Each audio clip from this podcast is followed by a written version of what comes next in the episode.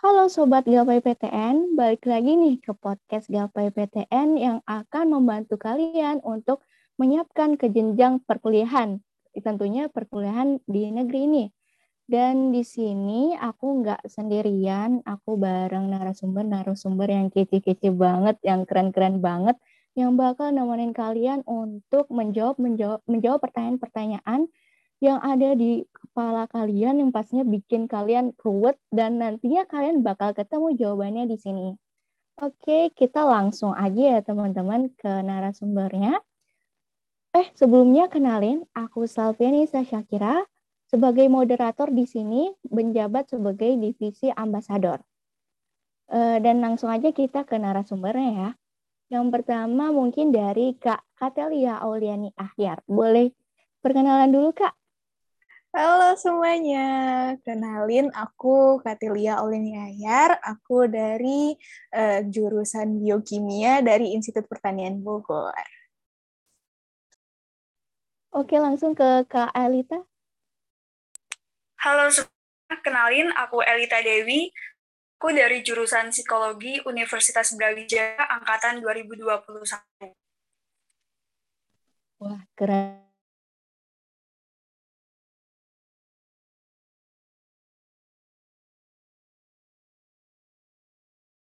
banget ya teman-teman narasumber-narasumber kita pada podcast. Oh ya, apa aja sih Kak aktivitas uh, yang sekarang Kakak lakuin nih? Mungkin bakal uh, menjawab pertanyaan teman-teman juga. Mungkin dari Kak Elita. Uh, aktivitasku akhir-akhir ini tuh ya tentunya kuliah, terus juga aku akhir-akhir ini kesibukannya juga uh, ikut internship di Gapai PTN di divisi akademik Lanjut Kak ke Kakak Telia.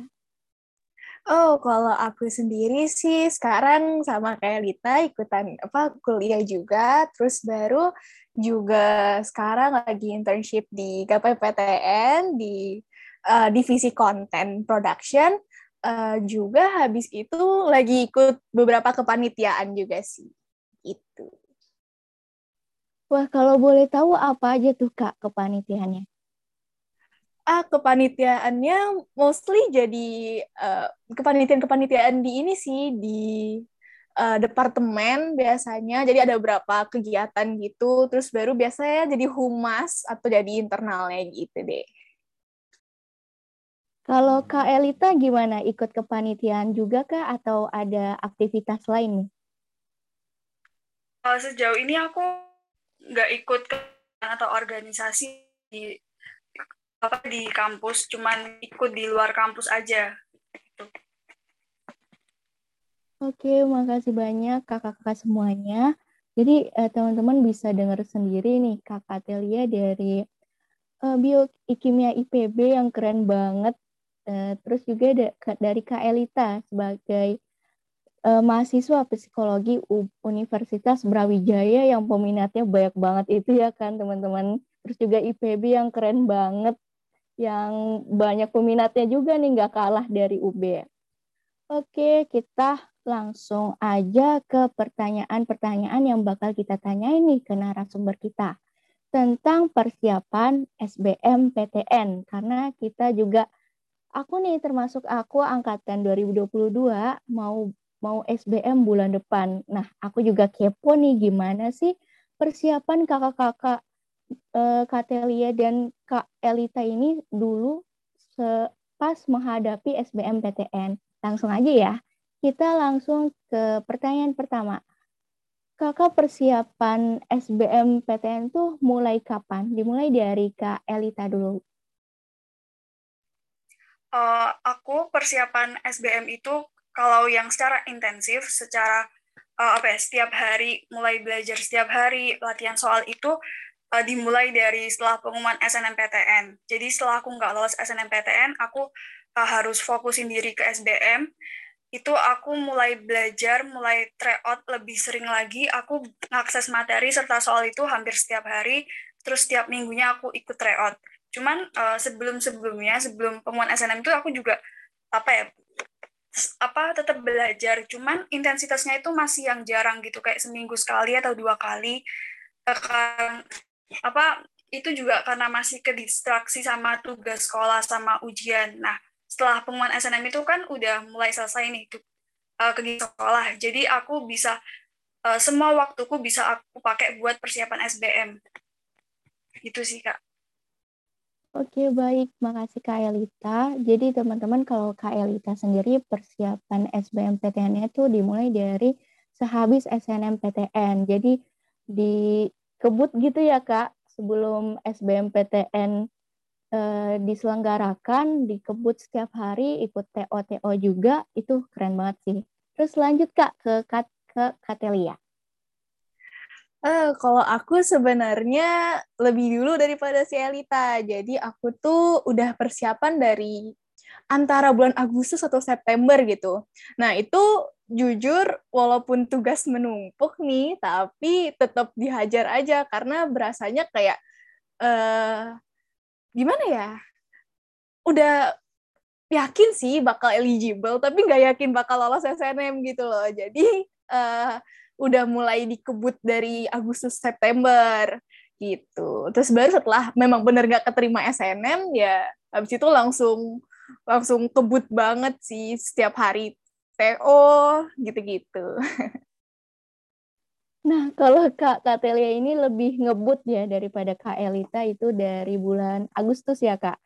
Itu patut dicontoh sih untuk teman-teman semua di sini yang lagi denger podcast Gapai PTN karena semakin cepat semakin baik jadi persiapan kalian lebih matang lebih terstruktur dan akhirnya kalian di akhir nanti kalau misalkan nggak keterima SNMPTN kalian bisa apa ya uh, duh tugas gue tugas di SBMPTN itu tugas persiapan UTBK gue itu nggak numpuk-numpuk banget. Jadi bisa nyantai dikit lah tinggal TO TO aja gitu. Oke ke pertanyaan selanjutnya ya. Yang kedua itu adalah kalau boleh tahu nih, kakak sumber referensi belajar materi SBM itu dari mana aja sih kak? Boleh dari kak Katelia dulu? Nah, kalau aku sendiri itu tim yang aktif sosmed. Jadi aku buka Twitter, buka IG. Jadi jangan lupa follow Gapai PTN ya. Nah, itu tuh biasa di Twitter dan di IG itu ada banyak informasi-informasi. Terutama sih sebenarnya aku lebih condong ke Twitter ya.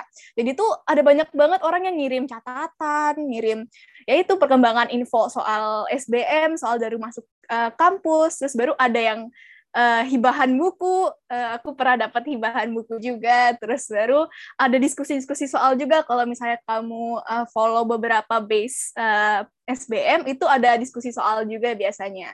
Nah, selain itu juga aku pakai beberapa aplikasi belajar dan biasa nyari catatan di Google sih, biasa di materi 78 gitu. Oke, baik. Berarti kalau Kak Katelia ini lebih ke sosmed ya, yaitu lebih ke contoh ke Twitter ya kak. Jadi kakak punya study account Twitter gak nih? Eh uh, sebenarnya nggak nggak yang seambis itu juga sih. Masih ada sambat-sambatnya juga. Nggak nggak nggak beneran jadi akun study gitu nggak juga. Tapi itu akun dipakai buat uh, cari-cari informasi SBM gitu. Gitu ya. Kukira kakak uh, ada study account khusus nih buat belajar UTBK? Enggak sih. Oke, lanjut ke Kak Elita. Gimana nih Kak, sumber referensi kakak belajar materi SBMPTN? Uh, sumber referensiku itu hampir sama. Iya, bahkan sama sih sama Kak Telia.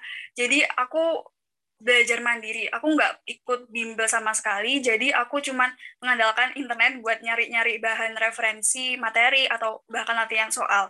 Aku juga sama kayak Katelia tadi, nyari di Twitter, terus juga aku sempat gabung di grup Telegram atau bahkan WA, karena di situ biasanya banyak yang nge-share uh, materi serta soal. Terus juga biasanya itu uh, lewat TikTok sih. Biasanya di FYP itu sering ada yang ngirim link drive itu isinya materi sama kumpulan soal.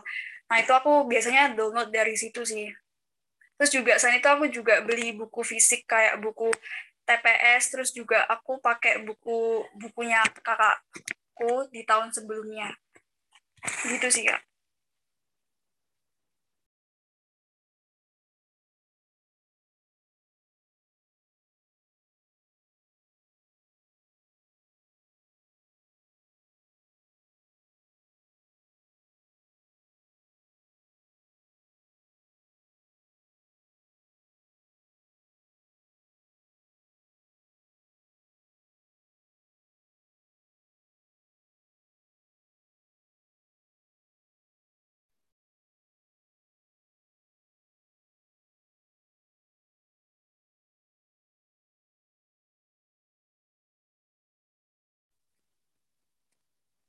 Oke, uh, tadi kita udah dengar jawaban dari Kak Katelia, karena Kak Katelia itu lebih ke sosmed ya guys, terutama di Twitter.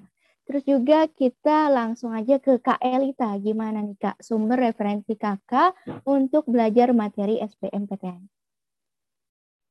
Uh, jadi aku uh, sumber referensiku untuk nyari materi sama latihan soal itu uh, sama sama kayak Kak Katelia. Jadi uh, lebih ngandelin internet dan sosmed sih. Karena aku juga nggak ikut bimbel sama sekali, aku belajar sendiri. Nah, aku biasanya itu nyari materi sama latihan soal itu dari Twitter, terus juga aku gabung grup Telegram sama WA, itu biasanya ada yang share uh, materi serta soal, dan kadang sering biasanya kayak ngasih link drive isi materi sama soal. Terus juga, aku juga beli buku Visna, aku beli TPS sama TKA-nya, dan juga ada buku yang peninggalannya kakakku di tahun sebelum itu sih kak. Oke, terima kasih Kak. Jadi dari Kak Katelia sendiri dan juga Kak Elita, ini sama-sama menggunakan sosmednya. Jadi ini bisa jadi motivasi untuk teman-teman semua yang nggak ikut les nih, misalkan ada teman kalian ikut les, terus juga kalian jadi iri lah atau gimana nggak enak lah gitu perasaannya pengen les gitu. Tapi kalian sebenarnya nggak les pun asal kalian punya niat, asal kalian punya kemauan, kalian bisa belajar SBMPTN itu secara mandiri, bisa dari sosmed, terus juga dari buku fisik sendiri yang bisa kalian beli di Gramedia atau juga ikut itu hibahan dari Twitter kayak Kak Katelia tadi tuh. Nah, jadi pinter-pinter kalian sendiri ngatur persiapan dan strategi kalian untuk uh, eh, SBMPTN ini. Kita lanjut ke pertanyaan selanjutnya yaitu uh, apakah kakak pernah belajar sistem kebut semalam nggak selama persiapan SBMPTN?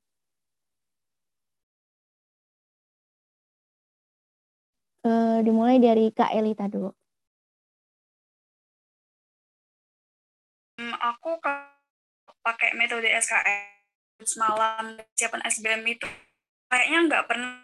Ya itu kan kita dan sampai tengah malam dari tipikal kalau ya, belajar sampai malam terus ngerasa ngantuk capek aku bakalan milih istirahat. Untuk ngelanjut besok. Terus juga kalau menurutku ya SKS itu kan kita belajar beberapa materi sekaligus dalam satu menurutku itu kurang efektif sih soalnya kayak terlalu banyak apa ya ke otak kita kan. Nanti malah takutnya udah capek belajar malah nggak ada yang masuk. Jadi aku lebih kayak bikin jadwal belajar sih. Kayak hari ini mau fokus apa terus mau latihan soal mana dan pembahasan itu. Jadi lebih terorganisir sih itu sih, Kak. Oke, lanjut ke Kak Katelia.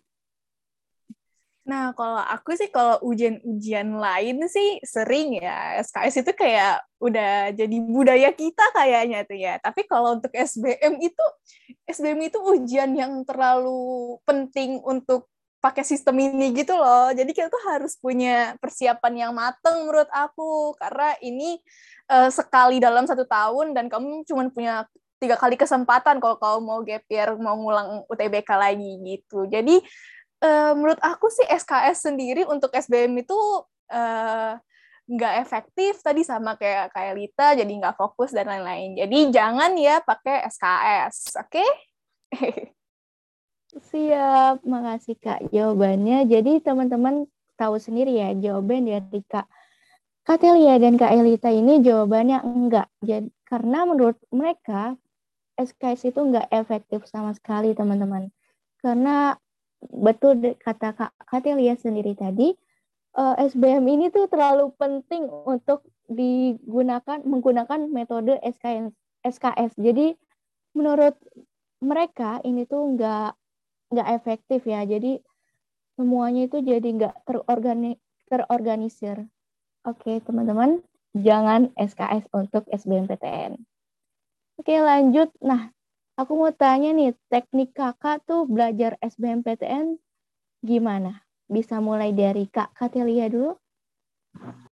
Wah, kalau aku sih tipe yang belajarnya sendiri ya. Jadi uh, jadi ya itu nonton-nonton video pembelajaran sendiri, baca-baca buku sendiri, latihan soal sendiri. Tapi kadang uh, ikut uh, study with us juga biasa di Twitter tuh ada tuh. Jadi kayak uh, mereka bikin grup di tele atau di uh, di WA itu mereka biasa kayak zoom bareng gitu untuk bahas soal. Nah atau atau biasanya juga ikut live live gitu live live belajar belajar bareng gitu deh. Oke, makasih Kak. Jadi kalau dari Kak Katelia ini itu dia beliau itu belajarnya lebih ke sendiri ya. Dan mungkin ke diskusi juga sih ya Kak, cuma lebih ke virtual Nah, bisa ikut study with us di Twitter. Nah, di Twitter nih sebenarnya teman-teman banyak banget program-program yang enggak apa ya, yang enggak ke expose sama dunia luar yang tentunya memberi manfaat kita, untuk kita juga untuk belajar SBMPTN. Nah, iya. kalau dari Kak Elita sendiri gimana? Ya kan benar Kak. Uh, kalau aku sama juga sih sama Kak Katelia, jadi aku tipikal yang belajar itu sendiri. Karena juga pada saat itu ya sampai sekarang sih kita ada di masa pandemi jadi emang lebih banyak ngabisin waktunya itu di rumah. Nah, jadi aku belajarnya itu sendiri, nggak uh, ngakses materi soal sendiri, nanti ngerjain soal, terus pembahasannya belajar sendiri. Kalau misal nanti uh, tiba-tiba ada kesusahan dalam ngerjain soal dan aku udah lihat nih pembahasannya masih belum paham, itu biasanya aku bakalan uh, nyoba ngehubungin temenku atau bahkan uh, orang-orang di sekitarku kayak keluargaku gitu untuk nanyain apa pembahasannya kayak gimana sekiranya mereka bisa apa bisa tahu dan bisa ngajarin aku gitu.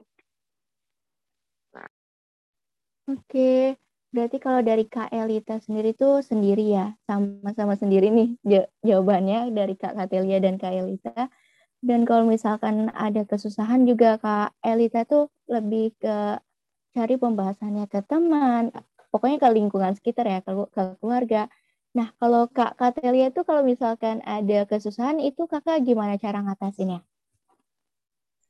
Kalau aku ada kesusahan, biasanya nanya di base Twitter biasanya. Jadi uh, kan itu kan bisa bisa kita pakai untuk diskusi soal juga kan. Atau biasanya simpan soalnya buat uh, eh, SWU.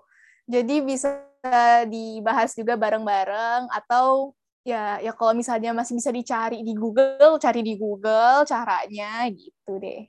Baca lagi ulang materinya juga kadang kadang juga bisa sih biar nemu jawaban gitu. Oh iya, tadi Kakak Telia nih mention study with us. Itu gimana sih Kak? Mungkin teman-teman gapai PTN ini di, di sini kepo ya.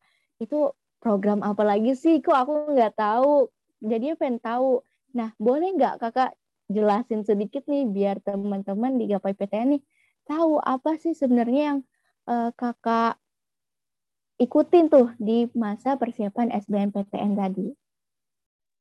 Kalau study with us sendiri itu biasanya jadi ada orang yang uh, di Twitter gitu yang kayak ayo belajar bareng yuk gitu. Nah, akhirnya habis itu dia bakal bikin grup gitu, bikin grup biasanya di di WA sih biasanya. Nah, habis itu nanti uh, rangekan waktu untuk uh, belajar bareng via Zoom, via Google Meet gitu. Biasa soal-soalnya ya dapat dapat dari pertanyaan-pertanyaan anggotanya atau misalnya mau bahas soal wangsit gitu-gitu. Jadi uh, gitu sih SWU sih. Banyak di Twitter kalau misalnya mau dicari.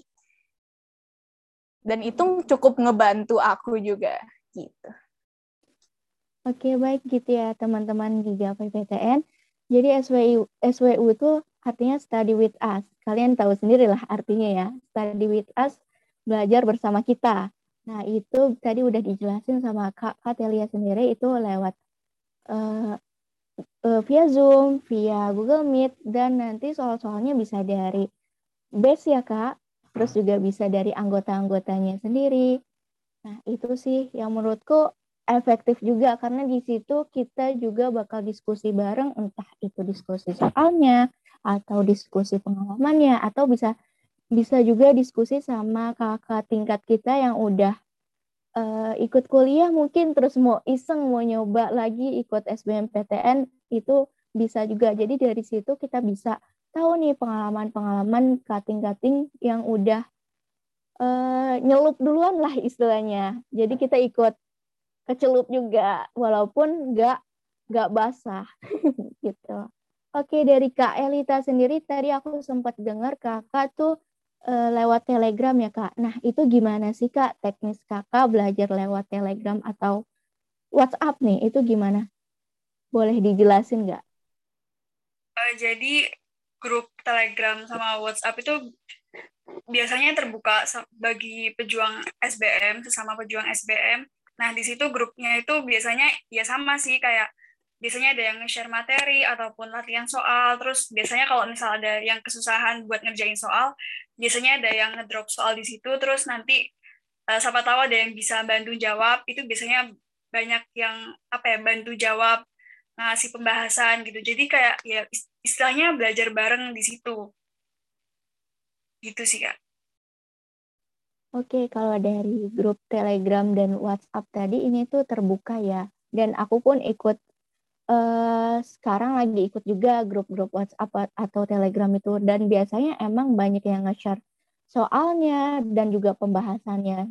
Nah, di sini yang diperlukan sebenarnya tuh walaupun ikut grup ya, uh, yang diperlukan sebenarnya kemauan kalian untuk belajar. Bagaimana cara kalian untuk memanage semuanya, uh, entah itu tugas atau kegiatan kegiatan di luar sekolah kalian untuk belajar SBMPTN ini karena percuma ikut eh, grup-grup uh, Twitter atau grup-grup WhatsApp, Telegram. Nah, kalian tapi nggak menggunakan itu secara optimal, nggak menggunakan itu secara efektif, yang cuma dijemin aja, nggak dilihat-lihat lagi, nggak di explore-explore lagi soal-soalnya, cuma dilihat doang itu percuma menurutku. Jadi teman-teman gapai PTN sebisa mungkin kalau misalkan uh, kalian emang benar-benar mau ikut SBMPTN, emang benar-benar niat untuk masuk ke perguruan tinggi negeri atau PTN, kalian sebisa mungkin optimalkan apa yang sekarang kalian punya, mulai dari buku fisik atau ikut study with us di Twitter atau ikut best-best di Twitter, nanya-nanya di Twitter, itu penting banget untuk teman-teman semua atau mungkin yang ikut les juga optimalkan semuanya apa yang uh, kalian punya, apa yang kalian uh, miliki saat ini. Oke, lanjut nih ke pertanyaan selanjutnya, pertanyaan yang bikin kayak uh, kita tuh penasaran juga nih sama kakak. Nah, kakak pernah nggak sih ngerasa jenuh, bosen, stres gitu, pokoknya capek deh belajar terus-menerus untuk UTBK ini? Mulai dari siapa ya? Kak Elita dulu deh. Uh, apa ya pasti pernah lah ya kita ngerasa capek, stres, bosen dalam masa persiapan SBM ini karena ya kita apa ya setiap hari dituntut untuk lihat buku, lihat laptop, nyari apa ya, lihat materi, uh, latihan soal, terus bahas-bahas soal itu kan pasti bikin bosen kan ya. Terus juga stres sendiri gitu. Kadang juga aku apa ya? Kadang tuh juga ngerasa capek, pikiran capek mental gitu loh karena kadang tuh uh, apa ya selama masa persiapan tuh terkadang ada pikiran-pikiran negatif yang muncul dalam diriku gitu. Kayak pas dulu itu aku kayak selalu overthinking kayak bisa nggak ya lolos SBM bisa nggak ya eh, nggak ngecewain lagi uh, apakah pilihan SBM ku ini terlalu tinggi buat aku? Pokoknya hal-hal yang negatif itu pasti muncul kan dalam tiap ya benar tiap anak pejuang SBM gitu. Nah itu yang bikin stres sendiri sih kalau mikirin itu terlalu dipikirin, terlalu overthinking gitu. Oke, da jadi dari Kak Elita jawabannya pernah ya guys. Da dan itu tuh nge apa ya ngebuat pikiran kita tuh ke mana-mana. Itu yang tadi Kak Elita mention overthinking itu sendiri yang menghambat semuanya sebenarnya. Tapi kalau misalkan kalian punya niat dan tujuan pasti bisa kok. Oke, langsung ke Kak Katelia. Uh, kakak pernah nggak stres, jenuh, bosen, dan lain-lain itu? Boleh jawab, Kak. Pernah nggak sih kalian itu kayak tiap ngeliat soal tuh enek, kayak mules kayak mau muntah gitu loh itu pernah itu pasti kayak setiap pejuang SBM pasti pernah ngalamin hal kayak gitu sih di mana kayak bangun pagi udah disuguhin soal aja gitu kan udah kayak nggak nggak enak banget deh intinya. Nah itu rasanya kayak udah mau muntah udah udah udah capek.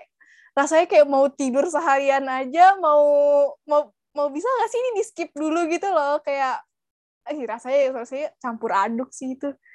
Kalau misalnya lagi capek lagi jenuh gitu. Aku pernah sih waktu itu. Sumpah itu aku bener-bener kayak seharian udahlah tidur aja karena emang bener-bener lagi produktif produktifnya ikut banyak duta ikut banyak yang lain-lain kegiatan gitu. Uh, dan itu pun bikin aku kayak uh capek banget. Bener kata kak Katelia tadi bisa nggak sih ini di skip dulu? Capek tahu nggak sih? Dan uh, kan kita juga nggak selamanya bosen gitu terus ya kak. Nah gimana sih cara kakak ngatasinnya? Mungkin dari kak Katelia dulu kalau aku sih uh, selingin belajarnya pakai hal-hal yang kamu suka sih kayak kalau aku sendiri itu tuh biasa kalau misalnya ada waktu senggang di antara belajar-belajar gitu, aku biasanya buka ini, buka toko online, terus baru nyari barang-barang lucu gitu, terus masukin ke keranjang. Nanti uh, mikirnya tuh buat nanti ditaruh di kosan gitu, mau apa mau ngedekor kosan pakai produk ini ini ini ini gitu biasanya jadi kayak ada semangatnya lagi tapi jadinya nggak stres juga ngerasa kayak lebih enjoy aja gitu Oke, kalau dari Kak Elita gimana? Uh, kalau aku cara yang ngatasin rasa capek terus stres itu tadi ya kalau misal kita udah ngerasa capek uh, lelah gitu apa ya istirahatin badan aja dulu karena kalau kita terlalu maksain badan kita nanti takutnya malah hal-hal yang nggak diinginkan terjadi gitu kan terus juga aku dulu itu apa ya bikin satu hari di mana itu hari istirahatku. Jadi di hari itu aku nggak belajar sama sekali. Aku ngelakuin hal-hal yang aku sukai. Apa ya, istilahnya buat refreshing gitulah. Kita bisa keluar rumah, bisa hangout sama teman-teman. Terus kalau nggak uh, bisa apa ya nonton film yang kita sukain gitu. Itu setidaknya bisa bikin stresku kurang berkurang sih. Terus juga kalau misal untuk yang stres sama pikiran sendiri itu kalau aku bikin afirmasi-afirmasi positif ke diriku sendiri kayak apa ya memuji diriku sendiri kayak kamu pasti bisa kok ya kamu kan udah belajar pasti nanti bisa ngerjain soalnya gitu soalnya apa ya kalimat afirmasi positif itu bisa bikin tingkat percaya diri kita makin tinggi gitu dan itu bakalan berpengaruh saat nanti kita dihadapin sama soal UTBK gitu sih kak kalau aku Oke, kalau dari Kak Katelia sendiri tadi teman-teman udah denger ya Kak Katelia tuh eh, dialihinnya dengan refreshing lihat toko online. nah, aku juga gitu sih teman-teman. Sebagai pejuang SBM ya, kita juga butuh hari di mana uh, kita tuh istirahat capek dong lihat soal-soal mulu, enak mun pen muntah gitu rasanya. Kayak Kak Elita tadi, Kak Elita ngisiin waktu sehari untuk istirahat, untuk benar-benar kayak, dah gue nggak mau berurusan sama SBMPTN dulu, nggak mau berurusan sama UTBK dulu, udah stop please gitu. Jadi bisa Kak, Kak Elita tadi bilang bisa dengan hangout atau jalan-jalan keluar rumah atau uh, apa main sama teman itu pun ngebantu stres kita ya dengan ngelihat keceriaan mereka, ngelihat apa ngedengar curhatan-curhatan mereka mungkin atau ngedengar cerita-cerita mereka itu pun bisa ngalihin kita dari rasa stres itu tadi. Nah, lanjut ke pertanyaan selanjutnya. Uh, kakak, kakak di sini ada tadi kan cara kakak ngatasinnya ya. Nah, ini ada tips gak agar tidak stres banget gitu saat belajar SBMPTN? Uh, mungkin dari Kak Elita dulu. Hmm, kalau aku sendiri sih tipsnya mungkin ya itu tadi uh, ngambis boleh tapi jangan lupa buat istirahat karena badan kita juga perlu istirahat. Uh, takutnya kalau kita kalau kita nanti apa ya terlalu ngambis takutnya badan kita nanti nggak kuat malah yang ada sakit-sakitan sebelum uh, hari HUTBK itu kan malah jadi tambah apa ya tambah yang kita persiapkan malah nggak jadi gitu. Terus juga tipsku apa ya fokus ke diri sendiri sih. Kayak kadang tuh apa ya omongan orang tuh biasanya bikin kita down kan selama persiapan SBM. Nah, itu omongan-omongan yang negatif, mending nggak usah didengerin. Udah fokus ke diri sendiri aja, fokus ke progresnya, nggak usah terlalu overthinking ke hal-hal yang negatif. Itu bisa ngurangin stres sih kalau menurutku. Oke, lanjut ke Kak Katelia. Uh, kalau dari aku sih benar-benar benar aja kayak katanya Kak Elita tadi. Jadi uh, jangan jangan dibawa terlalu serius juga belajar itu. Ingat ingat kondisi fisik juga. Terus uh, jangan lupa kasih ini, kasih hadiah kalau misalnya habis belajar. Biasanya sediain waktu untuk me time. Itu itu berguna banget, itu ngaruh juga di aku dan juga uh, puji diri sama kayak tadi si Kak Elita tadi kayak kalau misalnya habis ngerjain soal susah gitu kayak wah bisa nih aku udah lah fix ini bisa udah lolos SBM gitu pede aja udah gitu deh Oke baik, jadi itu ya tipsnya buat teman-teman gapai PTN nih. Yang pertama jangan lupa istirahat, utamakan fisik kalian dulu. E, belajar boleh, tapi stres jangan dong uh, sakit jangan dong. Jadi nanti persiapan kalian yang udah kalian bangun nih dari mungkin dari ada yang dari kelas 10 nih belajar UTBK-nya. Dari kelas 10 ke kelas 12 selama tiga tahun kalian bangun itu semua tiba-tiba buyar aja gitu gara-gara kalian sakit pas hari H UTBK kan itu sayang banget ya guys ya terus juga yang tadi Kak Elita bilang jangan eh Kak Katelia bilang jangan dibawa terlalu serius jadi enjoy aja, enjoy enjoy waktu, enjoy the moment. Kalau kalian emang capek ya istirahat, kalau enggak ya gas terus dong. Jangan biarin diri kita males terus-terusan.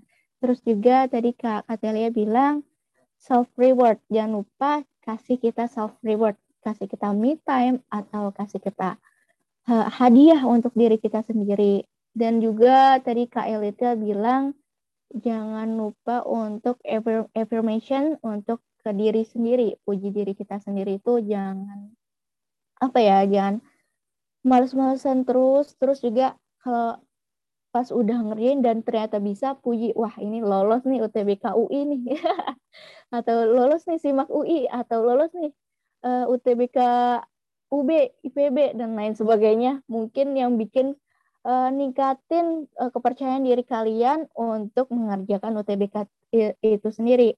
Dan uh, tadi memuji diri sendiri itu penting banget guys. Dan fisik juga jangan dilupain sehat sehat itu penting.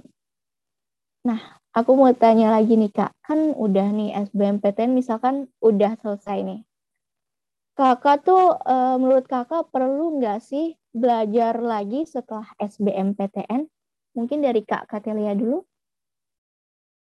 Uh, kalau setelah habis UTBK-nya, uh, eh, mending kayak kasih jeda dulu sih, kayak seminggu lah untuk healing-healing dulu kan. Setelah udah berapa bulan bersetres-stres lia dengan semua soal yang menghantuimu setiap hari, coba deh untuk jalan-jalan dulu, lihat lihat lihat kanan kiri, terus baru uh, udah jangan jangan mikirin SBM dulu deh, jangan mikirin. Habis itu baru pelan-pelan mulai belajar-belajar lagi, tipis-tipis aja, nggak usah yang terlalu ambis lagi kayak waktu sebelum UTBK. Jadi ya belajar ya review-review materi, terus latihan soal latihan soal aja gitu.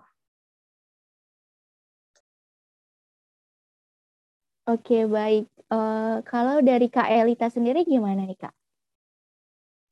Uh, kalau aku uh, setelah SBM itu perlu sih buat belajar. Cuman ya sama kayak Kak Katalia tadi, beri jeda waktu. Bukan berarti kayak hari ini UTBK terus besoknya langsung kejar materi lagi. Enggak, kayak kita perlu mengistirahatkan badan lah, perlu healing, perlu refreshing gitu kan. Bisa beberapa hari atau seminggu juga nggak apa-apa, terus nanti abis itu mulai belajar lagi. Dan apa ya, pokoknya jangan lupa buat selalu update info tentang jalur masuk uh, eh, PTN karena biasanya itu banyak jalur masuk PTN tuh yang udah dibuka sebelum pengumuman SBM bahkan udah tutup pendaftarannya setelah uh, sebelum pengumuman SBM jadi jangan sampai ketinggalan itu sih Oke, baik. Jadi kesimpulannya teman-teman, perlu nggak sih belajar lagi setelah SBM? Perlu, cuma kalian juga harus beri jeda waktu untuk diri kalian sendiri, untuk me time, untuk bebasin pikiran kalian dari SBMPTN, dari UTBK itu sendiri. Nah, benar juga kata Kak Elita tadi, jangan lupa untuk selalu update info tentang PTN-PTN yang ingin kalian tuju atau PTN-PTN yang ingin kalian jadikan cadangan karena kalau misalkan kalian telat dikit nih info udah kesempatan kalian hancur pupus udah jadi eh, jangan lupa untuk selalu update info tentang PTN yang kalian tuju atau PTN lain yang akan kalian jadikan cadangan nah aku mau nanya pertanyaan terakhir nih pertanyaan eksklusif gitu ya. Pertanyaan yang emang penting banget untuk teman-teman gapai PTN di sini. Jadi eh, menurut kakak nih, bukan menurut lagi sih, ini pesan nih, pesan kakak eh, untuk pendengar terutama untuk pejuang SBMPTN. Mungkin dari Kak Katelia dulu boleh deh buat kalian yang sekarang lagi bucin sama Unif impian, lagi mengejar cita-cita kalian, tetap semangat sampai dapat selamat dari LTMPT. Mantap. Semoga ya dapat selamat bukan semangat lagi. Karena kalau misalkan disemangatin lagi, nyesek lagi, sedih lagi, ntar nggak bisa. Nanti ngehambat perjuangan kalian untuk ikut ujian mandiri. Oke, okay, kalau dari Kak Elita gimana?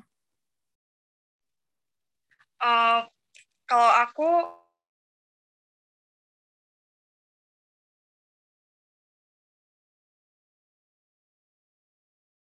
SBM. Nah, kalau aku itu prosesnya ya. Usahakan hasilnya nanti konsisten dari saat apa ya apa bisa mengaruhi hasilnya nanti dapat uh, selamat dari LTMP uh, terus uh, dan itu belajar SBM itu konsistensi uh,